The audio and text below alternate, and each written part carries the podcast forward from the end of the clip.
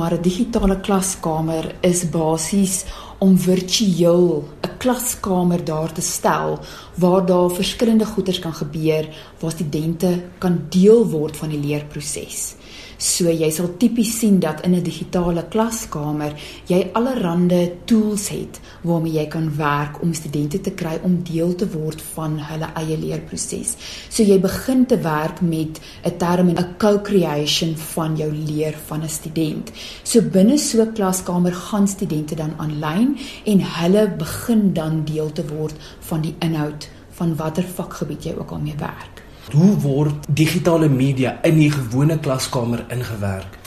So jy sal tipies vind jy het platforms waarop universiteite werk of selfs enige organisasies wat werk met kort leerprogramme en so aan gebruik ook van hierdie platforms. Nou jou meer populêre platforms is platforms soos Blackboard of Moodle byvoorbeeld. En binne daai platforms is daar verskillende tegnieke en tools wat jy dan gebruik en jy kan dan enige media intrek en so ontwikkel jy basies inhoud rondom jou vakgebied. So jy kan dit vreeslik interaktief maak, aantreklik maak vir studente en 'n bietjie meer opwindend in plaas daarvan om net in 'n klaskamer te gaan mm. en te praat of 'n lesing aan te bied. Wat is van die voordele van so 'n platform en hierdie tipe digitale klaskamer?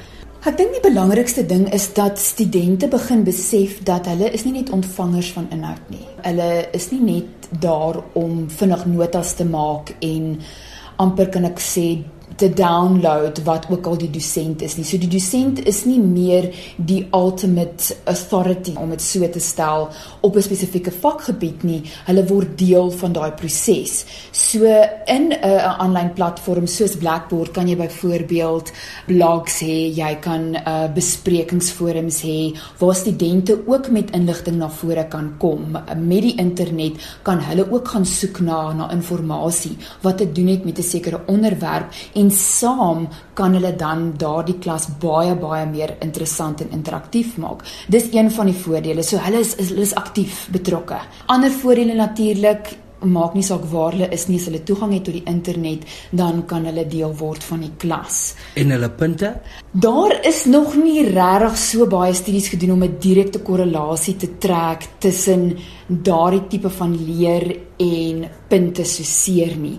Maar ek in my ervaring sien dat studente baie meer opgewonde raak oor hulle leer en dit word nie altyd in punte gereflekteer nie. Op watter maniere kan inhoud en assessering gedoen word op so 'n digitale platform?